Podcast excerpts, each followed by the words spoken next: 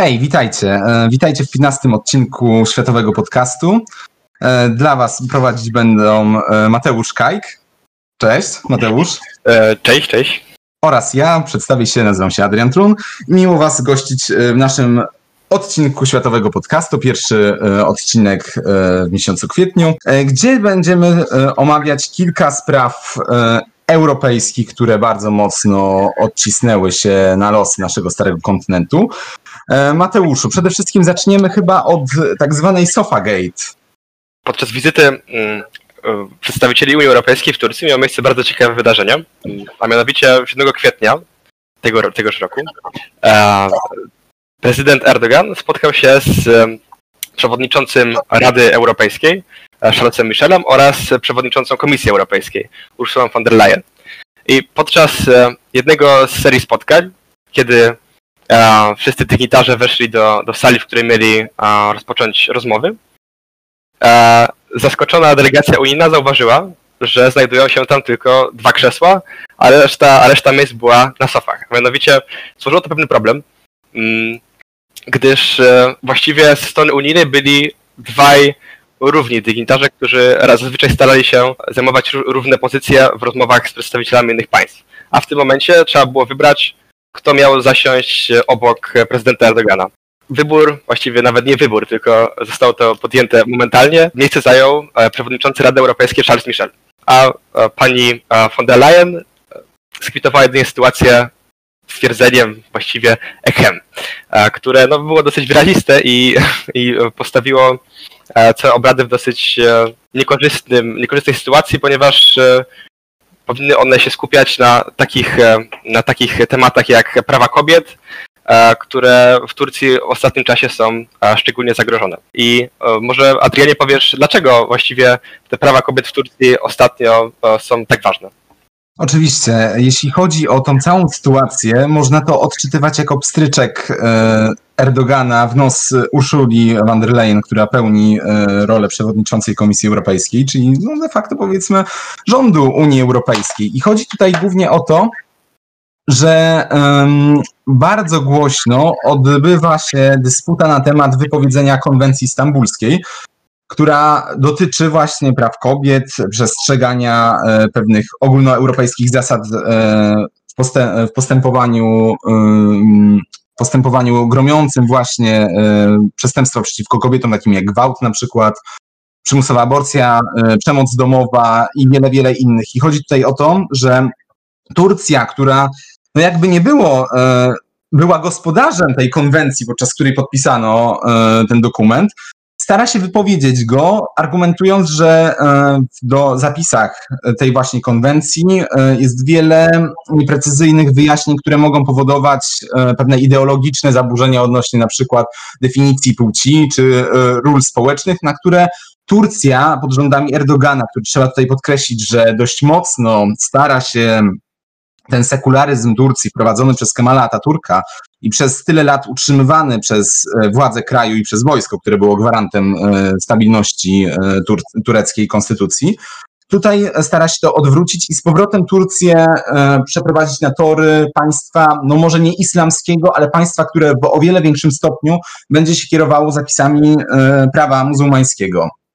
I tutaj dlatego ta konwencja jest dla niego solą w oku, nie za bardzo zależy mu na tym, żeby ona obowiązywała, Ponadto chciałby jej wypowiedzeniem zjednać zapewne, zapewne swoich wyborców konserwatywnych, bo to jest bardzo istotne, ponieważ Mateuszu, jak zapewne wiesz, w Turcji niedługo będą wybory prezydenckie. E, tak, będą wybory prezydenckie i pozycja prezydenta Erdogana nie jest taka pewna.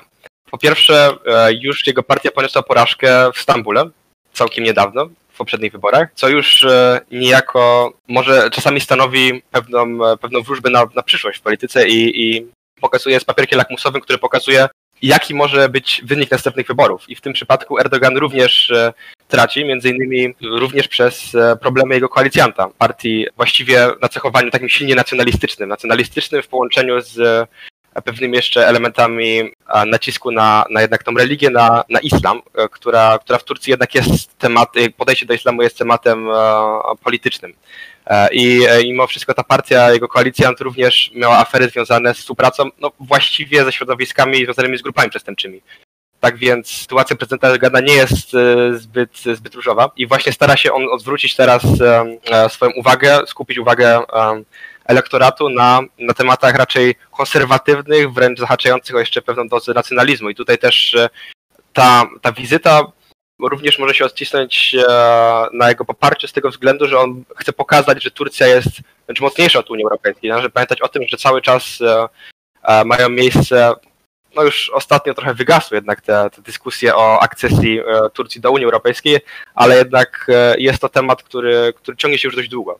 E, I w tym momencie takie ośmieszenie delegacji unijnej również, również chciał zapewne pokazać prezydent Erdogan, że, że jednak dalej jest, jest on mocny. I myślę, że jest o, o tyle ciekawe jednak sama, sam format wizyty jeszcze, nawiązując może do samego protokołu dyplomatycznego, gdyż formalnie przewodniczący Rady Europejskiej traktowany jest jako głowa państwa, jako prezydent. Natomiast przewodnicząca Komisji Europejskiej według protokołu traktowana, powinna być traktowana jako premier. No czyli jest to jednak e, trochę, trochę mniej ważny, e, mniej ważny przedstawiciel.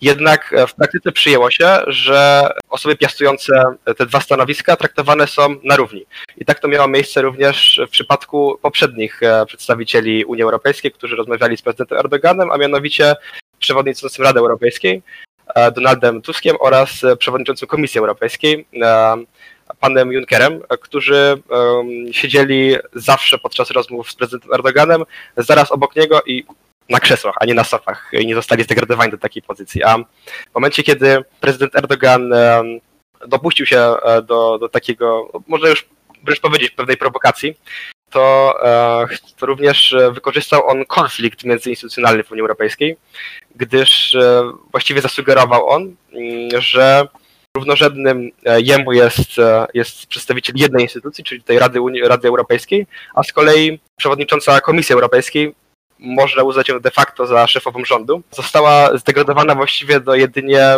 pewnej asystentki doradczyni Charlesa Michela i o tyle jest ciekawe, że naprzeciwko niej siedział minister spraw zagranicznych Turcji, e, a więc ktoś niższy rangą od, e, od prezydenta Erdogana, więc tutaj był wyraźny sygnał, że, że zamierza on grać na konflikt w w samej Unii Europejskiej, jednak rozbić tą jedność, e, która, którą chciała jednak Unia utrzymać, zachować i, i pokazać, że, że jest w stanie być skonsolidowanym blokiem państw, skonsolidowaną organizacją, która jest w stanie odegrać rolę w polityce międzynarodowej. I jeszcze tutaj nawiązując do mm, kwestii praw kobiet, to jednak scena, w której dwóch mężczyzn e, rozmawiających poważnie o polityce siedzi, a obok nich jedynie kobieta zajmuje wręcz e, miejsce, sugeruje, na, na sofie, sugeruje, że ona jest praktycznie nie ma żadnego znaczenia na, na, na, na wpływ rozmów, co jeszcze bardziej pogrążyło e, jednak delegację unijną jako e, swego rodzaju hipokrytów. E, tak też chciałbym przekazać prezydent Erdogan, że mimo wszystko nie są w stanie nawet wystaw, nie są w stanie nawet wskazać, wystawić te przewodniczącej. Właśnie tutaj widać, widać pewną cynizm Erdogana, tak, w, tym momencie, bo Turcja wiele, wiele lat czekała w kolejce e, do Unii Europejskiej i e, dojście Erdogana do władzy to jest stwierdzenie, skoro Europa nas nie chce, to my z Europą nie będziemy tak e, postępować jak e, dotychczas. To znaczy, Turcja e, ze względu na swój potencjał militarny, bo trzeba pamiętać, że to jest druga potęga w NATO na przykład. Trzeba pamiętać, że Turcja ma populację już większą niż Niemcy, czyli największy członek Unii Europejskiej widząc to, że Turcja jest dość zasobna, dość liczna, jeśli chodzi o populację w stosunku do państw, innych państw regionu, Turcja ma większe ambicje niż bycie jednym z członków Zjednoczonej Europy, ale chciała, chciałaby sama rozgrywać sytuację międzynarodową, a przynajmniej sytuację międzynarodową wokół jej granic, tak? Musimy pamiętać, że Turcja jest zaangażowana w wojnę w Syrii gdzie e, ma własne interesy, często sprzeczne z interesami czy to Ameryki, Unii, czy nawet Rosji, z, którym, z którą się potyka w tamtym rejonie. Turcja niedawno przecież ingerowała po stronie Azerbejdżanu w wojnie Armenii z Azerbejdżanem. I tutaj trzeba pamiętać, że Unia Europejska nie za bardzo ingerowała w tamten konflikt, mimo że to kraje, Armenia na przykład, to kraj bardzo zbliżony kulturowo do e, krajów europejskich, tak? I e, bliska wojna, blisko granic europejskich, w ogóle nam, Zjednoczonej Europie, Unii Europejskiej, nie leży przecież, tak? E, żeby się toczyła. A Turcja postawiła bank, bardzo aktywnie e, zaangażowała się w konflikt i tylko jej Azerbejdżan zawdzięcza tak świetne zwycięstwo, które upokorzyło Armenię. E, poza tym e, Erdogan ma też pewne e, układy z Unią Europejską. Trzeba pamiętać, że kryzys uchodźczy wcale się nie skończył, tylko został w pewnym sensie wyciszony. Masa uchodźców, biednych uchodźców, bo oni nie mogą wrócić do Syrii, tam dalej jest wojna domowa, zresztą bardzo duże ryzyko, że byliby prześladowani. Oni dalej siedzą przymuszeni w Turcji, tak? Unia wystawia pieniądze, żeby w jakiś sposób zatrzymać ich napływ do Europy. No i to też jest broń w ręku Erdogana. Jeśli miałbym być szczery, to Erdogan ma więcej kart, e, a, a więcej asów w ręku i może pogrywać z Unią w taki sposób. Plus oczywiście faktycznie masz Mateusz rację, że e, Erdogan, jako że uważam go, że mimo wszystko jest e, bystrym człowiekiem, dostrzega, że takie problemy instytucjonalne, które w Turcji nie występują, bo Turcja jest republiką prezydencką, więc szefem rządu też on jest sam, więc widzi, że może grywać na takie właśnie konflikty w Unii Europejskiej. No i niestety to jest bardzo przykre, że e, delegacja unijna nie jest w stanie zadbać o swój własny prestiż, tak? I myślę, Mateusz, że tutaj e, można przejść już do tematu Irlandii Północnej. Być może większość ludzi nie słyszała, co się w ostatnim tygodniu działo, a trzeba zwrócić na to uwagę, ponieważ to jest bardzo ważne dla stabilności nie tylko dwóch krajów będących bądź byłych członków Unii, takich jak Wielka Brytania czy Irlandia, ale dla samego pokoju na kontynencie europejskim. W ostatnim tygodniu e, miało miejsce, miały miejsca e, rozruchy i demonstracje na terenie całej Irlandii Północnej. Mianowicie e, w zamieszkach z policją znalazło się wiele, wielu rannych policjantów i demonstrujących. I teraz trzeba e, przejść do tego, dlaczego właśnie tak się stało, tak? dlaczego w Irlandii Północnej akurat w tym momencie doszło do e, pewnych rozruchów. Ogólnie e, iskrą zapalającą mm, był pogrzeb byłego członka irlandzkiej armii rewolucyjnej, Bobiego Storreya, który miał masowy pogrzeb. Po prostu można było przychodzić na pogrzeb tego byłego wojownika Ira i co jest ważne, policja Ulsteru, czyli właśnie Irla e, Irlandii Północnej, zdecydowała się nie wlepiać mandatów członkom tego zgromadzenia. I co jest ważne, e, połowa populacji Irlandii Północnej to są unioniści, e, czyli zwolennicy pozostania w związkach z Wielką Brytanią. No i to bardzo mocno ich zirytowało, że pozwolono na tą antyunionistyczną demonstrację i nie wyciągnięto z tego konsekwencji, wobec czego wybuchł, doszło do rozruchów. A te rozruchy są e, odbiciem właśnie tego, że Irlandia Północna jest traktowana jako osobna część e, Zjednoczonego Królestwa, jeśli chodzi o umowy e, z Unią Europejską. Czy mógłbyś, Mateusz, tutaj więcej powiedzieć na temat tego protokołu i w jaki sposób Wielka Brytania tutaj zachowuje się w stosunku do Irlandii Północnej po Brexicie? Jak wszyscy wiemy, w 2016 roku referendum w Wielkiej Brytanii wygrali zwolennicy Brexitu e, i od tego momentu trwały już e, negocjacje z Unią Europejską. Jedną z ważniejszych e, elementów tych negocjacji były stosunek, stosunki handlowe na, na Wyspach Brytyjskich i również na granicy Irlandii z Irlandią Północną. I mm, zgodnie z ostatecznym porozumieniem granice celne będą miały miejsce nie bezpośrednio na, mm, na granicy Irlandii z Irlandią Północną, ale na Morzu Irlandzkim, czyli właściwie całe, cała, całe, cała wyspa, na której znajduje się Irlandia, będzie, mm, będzie jedną e, strefą celną, na której, e, która de facto będzie wyglądała jak e, wręcz jedno państwo, na które nie będzie zauważalna granica, tak jak było do tej pory. Tylko, że granica przysunie się właściwie właśnie do Morza Irlandzkiego, co stanowi wręcz bardzo wyraźną, e, wyraźną sugestię do tego, że Irlandia znowu powoli staje się jednością. E, I myślę, że tutaj też bardzo ciekawe jest są, e, są spostrzeżenia niektórych analityków tej sytuacji, a mianowicie, że mm, większość osób zainteresowanych bombardowaniem porozumienia wielkopiątkowego, które miało miejsce w 1998 roku, to są osoby, które już były urodzone po podpisaniu tego porozumienia, czyli do głosu dochodzi nowe pokolenie, nowe pokolenie, które nie pamięta kryzysu, jaki miał miejsce właśnie w Irlandii Północnej, e, a także właściwie można pokusić się o stwierdzenie, że e, ta młodzież się radykalizuje, ponieważ wcześniej e, stanowiska krytyczne wobec porozumienia wielkopiątkowego były skrajnością, zarówno po, po stronie unionistów, ale także po stronie, po stronie Iry czy, czy Sinn Féin. Więc w tym momencie mamy miejsce, ma miejsce zmiana pokoleniowa, która e, może doprowadzić do, do również e, zaognienia sytuacji w e, Irlandii, w Irlandii Północnej. I właściwie jakie podejście Wielka Brytania obrała wobec unionistów? Czy zamierza ich wspierać, czy wręcz unioniści czują się zdradzeni, Adrianie? Jeśli chodzi o Wielką Brytanię i rząd londyński, to jak najbardziej będą wspierać unionistów. Przy czym to, w jaki sposób e, Wielka Brytania wspiera, a jak to jest odczytywane w Belfaście, to już tutaj jest różnica, ponieważ, e, ponieważ rząd e, Irlandii Północnej, tej Stormont, ma pewien problem odnośnie nie tylko tego, w jaki sposób ma prowadzić swoje negocjacje z Londynem, ale też z Dublinem, bo tutaj za pomocą tego protokołu pewne sprawy zostały oddane Belfastowi do rozmów z Dublinem. No i tutaj unioniści boją się, że ta wolność, która została im dana, chociaż oni wcale o to nie, nie, prosili, może sprzyjać temu, żeby większość Irlandczyków północnych zdecydowała się na przeprowadzenie referendum i połączenie się z Irlandią. I to jest akurat bardzo ważne, że e, oprócz tego, że w Irlandii Północnej e, za pomocą porozumienia wielkopiątkowego została wprowadzona zasada, że dwie e, największe partie, które są skrajnie wobec siebie przeciwne, bo mamy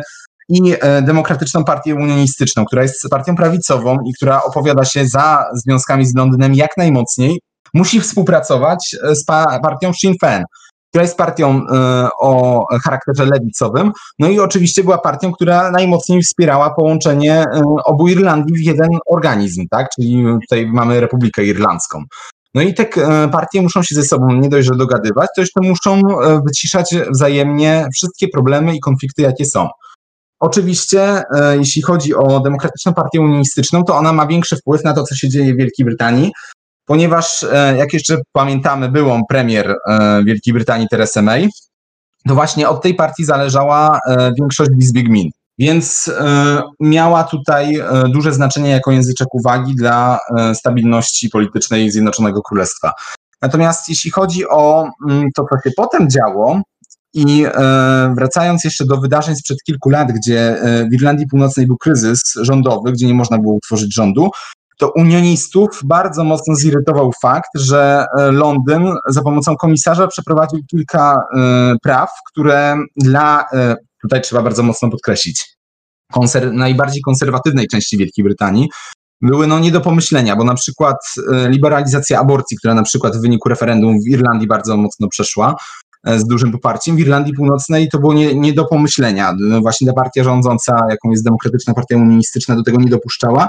I to na przykład zostało przepchnięte w momencie, kiedy był ten kryzys konstytucyjny. Tak samo małżeństwa e, homoseksualne zostały wtedy zalegalizowane w Irlandii Północnej. To był cios dla nich, dla konserwatystów, bo oni się tego nie spodziewali, e, że to właśnie Londyn coś takiego przeprowadzi. No więc wobec tego e, zac zaczął się kryzys wiary e, w Londyn wśród unionistów, i być może też częściowy odpływ do takich bardziej skrajnych partii, które albo jeszcze mocniej opowiadają się za związkami z Wielką Brytanią, albo próbują szukać trzeciej drogi, czyli na przykład jakiegoś samostanowienia, tak? Chociaż no raczej takie partie nie będą miały y, zbyt dużo posłuchu, bo jednak y, wybór jest oczywisty, albo trzymamy z Wielką Brytanią, albo trzymamy, y, albo idziemy do Irlandii, do Republiki Irlandii.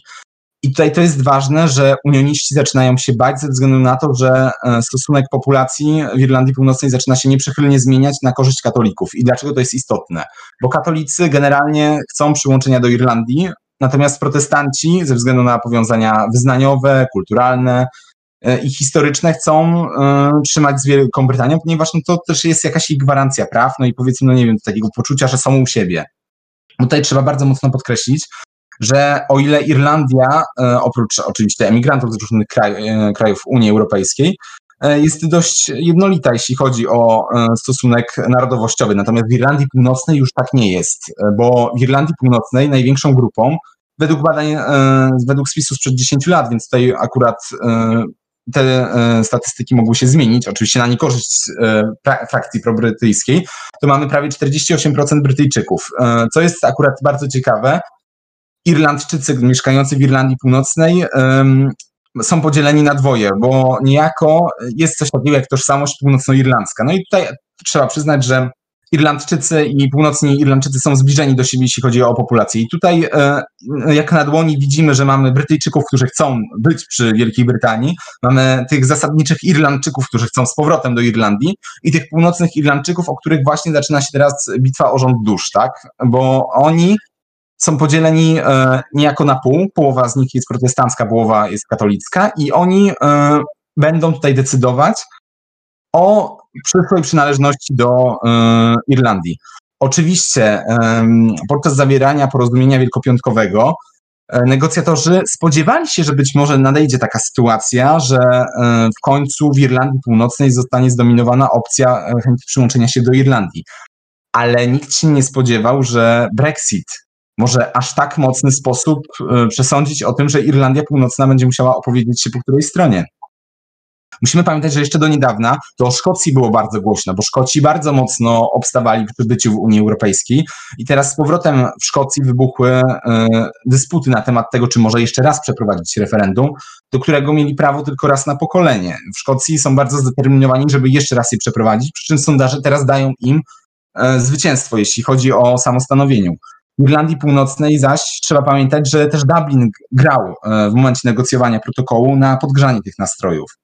I e, Mateuszu, czy uważasz, że Unia Europejska w jakiś sposób mogłaby tutaj zaangażować się, czy może nawet e, po cichu albo też oficjalnie wspierać e, dążenia Irlandczyków do połączenia się z główną częścią kraju?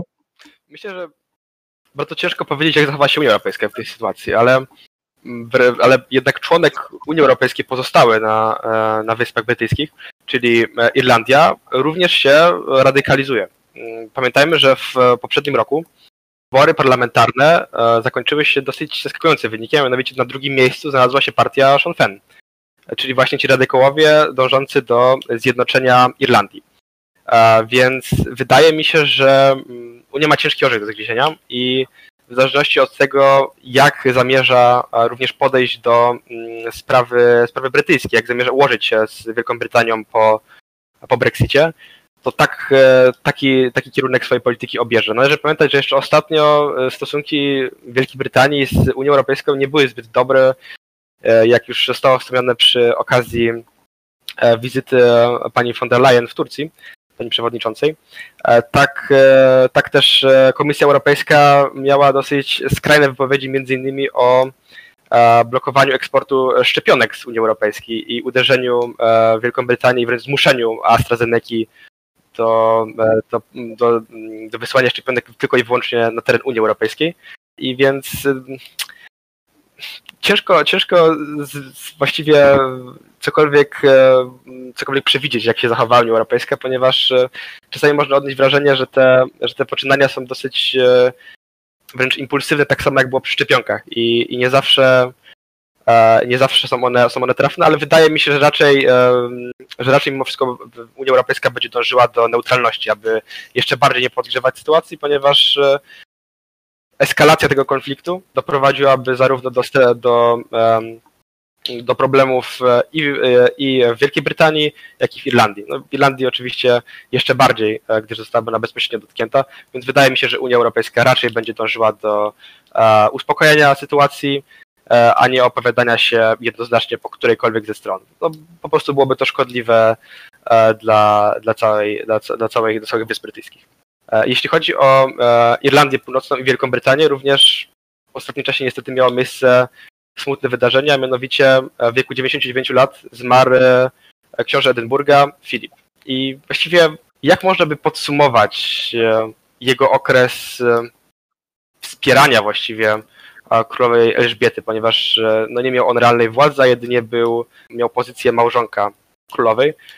czyli właściwie był jedynie jej, jej pomocnikiem, miał ją wspierać. I jak można podsumować właśnie ten okres wsparcia przez, przez księcia Filipa?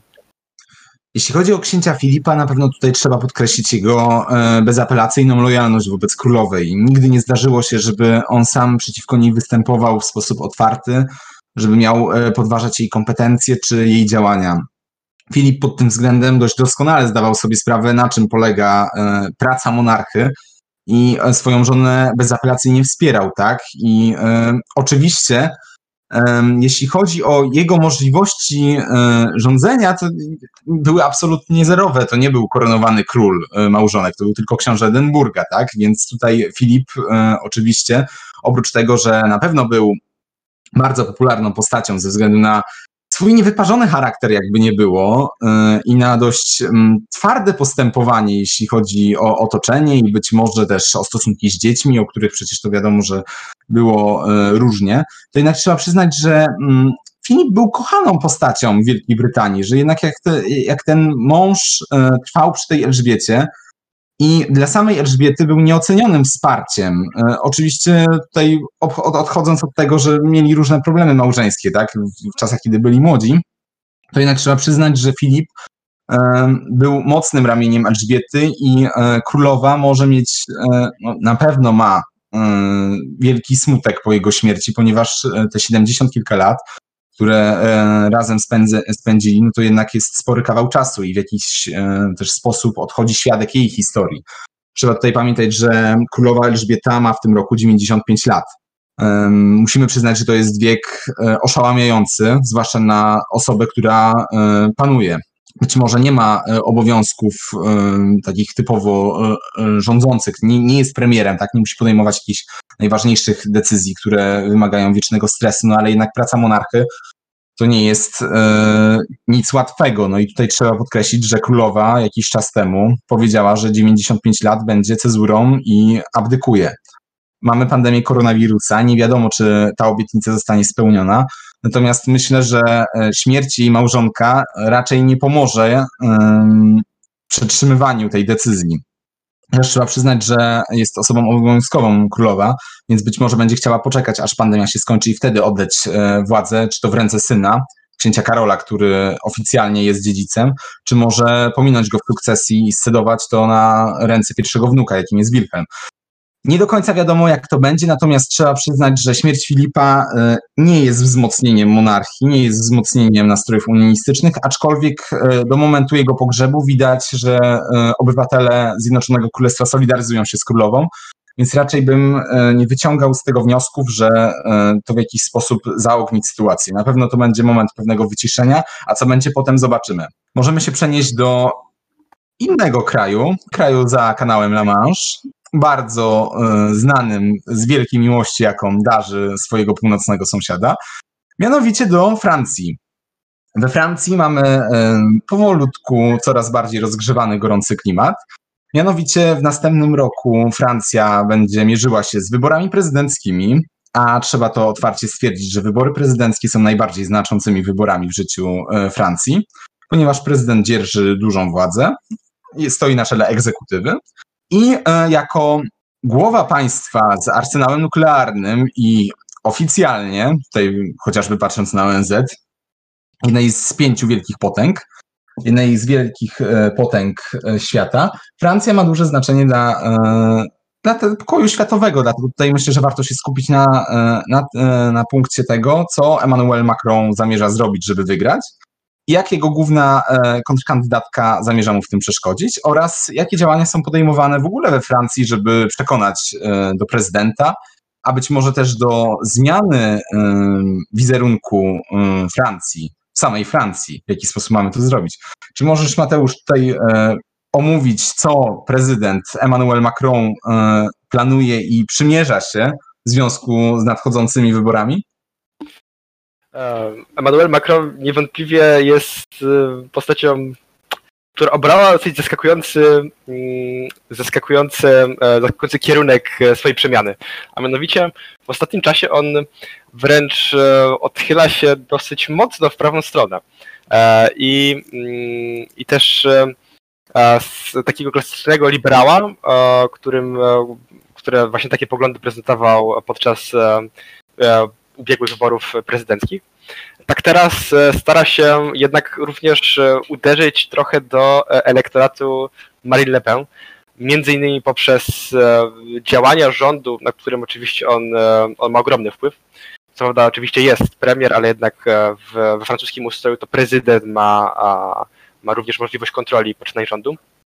Więc jego rząd, przedstawiciele jego rządu uderzają chociażby w, w, we Francji nazywane jest to islamska separacja, a mianowicie, że między innymi zarządził kontrolę Ministerstwa Wewnętrznych, kontrolę meczetów. I jest to uderzenie w autonomię jednak religijną islamu. I w tym momencie jest to o tyle, o tyle ciekawe, że jednak jako liberał powinien on zachować pewną wstrzemięźliwość z atakami, na którą zdecydowanymi atakami na którąkolwiek religię, a tutaj już bezpośrednio e, chce kontrolować to, co się dzieje w meczetach i to, jak nauczana jest religia. Ponieważ e, to głównie o to się, się tam rozchodzi. Więc, e, więc również inne poczynania prezydenta Macrona są, są też dosyć ciekawe, mianowicie nawiązują bezpośrednio do, do idei takiej autonomii strategicznej Europy, którą właściwie już, już pojawiła się pewne zaczątki właśnie jej już w czasach Charlesa de Gaulle'a. I, i chciałby, chciałby znaleźć sojuszników w tym, aby, aby zbudować pewną autonomię strategiczną w Europie, też żeby Europa była e, graczem w polityce e, światowej, a nie tylko była pewną organizacją, która, która dba o rozwój gospodarczy i też, też chociażby prowadzi do, do polepszenia stosunków wewnątrz niej, ale również chce dbać o, o to, jak Unia jest widziana na zewnątrz i jak bardzo jest silna. Więc w tym momencie to jest na pewno bardzo ciekawe. A także w ostatnim czasie miało miejsce właściwie również bardzo ciekawe działanie odnośnie polityki wewnętrznej Francji, a mianowicie pewne odejście od, e, od tego te, tradycyjnego centralizmu francuskiego e, na poczet decentralizacji i to, to było o tyle ciekawe, że e, że to dzisiaj wcześniej nie zdarzało. Francja jest bardzo scentralizowanym państwem i właściwie, jeśli Aden mógłbyś przybliżyć, o co konkretnie chodzi, bo chodzi o jeden, jeden akt prawny, który no, stanowi pewną rewolucję w systemie francuskim. E, tak jak Mateusz pod, podkreśliłeś, Francja jest krajem niezwykle scentralizowanym. To pomaga władzom centralnym sprawnie zarządzać wszystkimi kryzysami. Natomiast dość mocny sposób ogranicza samorządność. Trzeba przyznać, że Francja jednak e, jest poniżej średniej unijnej, jeśli chodzi o jakieś takie wolności i możliwości samorządów. Natomiast, tak jak faktycznie mówiłeś, e, doszło do rzeczy dość niezwykłej, bo Francja to nie tylko politycznie scentralizowany organizm, e, ale także kulturowo czy językowo jest dominacja tej północnej części Francji, tej takiej centralnej języka francuskiego. E, język francuski, trzeba bardzo mocno podkreślić, dominuje przecież w całej Francji. No i właśnie tutaj mamy odwrót tego, ponieważ e, Zgromadzenie Narodowe przepchnęło ustawę, która e, de facto robi odwrót od tego. Ta ustawa mówi o tym, że daje się większą swobodę językom etnicznym, językom regionalnym, co jest niebywałym wsparciem dla takich regionów jak Brytania, Langwedocja, e, Oksytania czy Korsyka, bo właśnie te języki jak bretoński, kataloński, oksytański, baskijski czy korsykański e, stają się dotowanymi przez miejscowe wspólnoty. Co więcej, nauczanie tych języków zostaje zwiększone nie tylko poprzez dofinansowania dla dzieci, które czy to się uczą w danym regionie, czy w innym regionie dostają teraz finansowanie od tych rejonów na nauki języków swoich narodowych, którymi się posługują, ale także, co jest e, ważne i co być może Polska, e, Polskę obchodzi ze względu na to, że na Litwie e, takie postulaty się zgłaszały, to zezwolono mniejszościom, właśnie tym narodowym mniejszościom, ludziom pochodzącym z nich, na transliterację na języki narodowe imion na przykład. I to jest dość duża zmiana, zważywszy na to, że Francja takie postulaty politycy francuscy, nie Francja, e, lekceważyły przez wiele dziesięcioleci. Oczywiście to służyło też niepodkopywaniu jedności e, narodowej Francji, bo trzeba pamiętać, że Francja przez wiele e, kryzysów, cierpień przechodziła od czasów końca II wojny światowej, ale to może być też znak na to, że skoro Zgromadzenie Narodowe uchwaliło taką ustawę, a to znaczyło, że prezydent, który przecież ma swoje ugrupowanie w Izbie Niższej, dość mocne, bo ma większość, dał zgodę na to, może świadczyć o tym, że Macron, którego podziwiam ze względu na to, że jest niebywałym pragmatykiem, jeśli chodzi o scenę polityczną Francji i umie manewrować pomiędzy odpowiednimi grupami, tutaj powoduje, że e, ta decentralizacja może mu przynieść korzyści, mimo że teoretycznie nie powinna, ze względu na os e, potencjalne osłabienie możliwości rządu centralnego.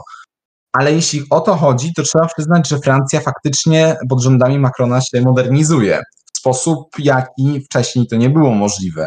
Bo co Mateusz sądzisz o samych zdolnościach Macrona? Czy naprawdę jest tak wielkim pragmatykiem, jaki jakim sam siebie kreuje i w jaki sposób być może na arenie Unii Europejskiej, gdzie e, bardzo mocno przyczynił się do odnowienia frakcji liberalnej w Parlamencie Europejskim, gdzie też to jego e, zasługi spowodowały, że to liberał właśnie Charles Michel stoi na czele przewodniczący Rady Europejskiej, gdzie przełamał też poniekąd monopol socjalistów i chadeków na rządzenie w Unii. Czy podzielasz moje zdanie, że faktycznie Macron jest zdolny, czy to być może tylko takie nasze wyobrażenie o nim, a faktycznie nie do końca. Zresztą podzielam ten z ogromnymi ambicjami.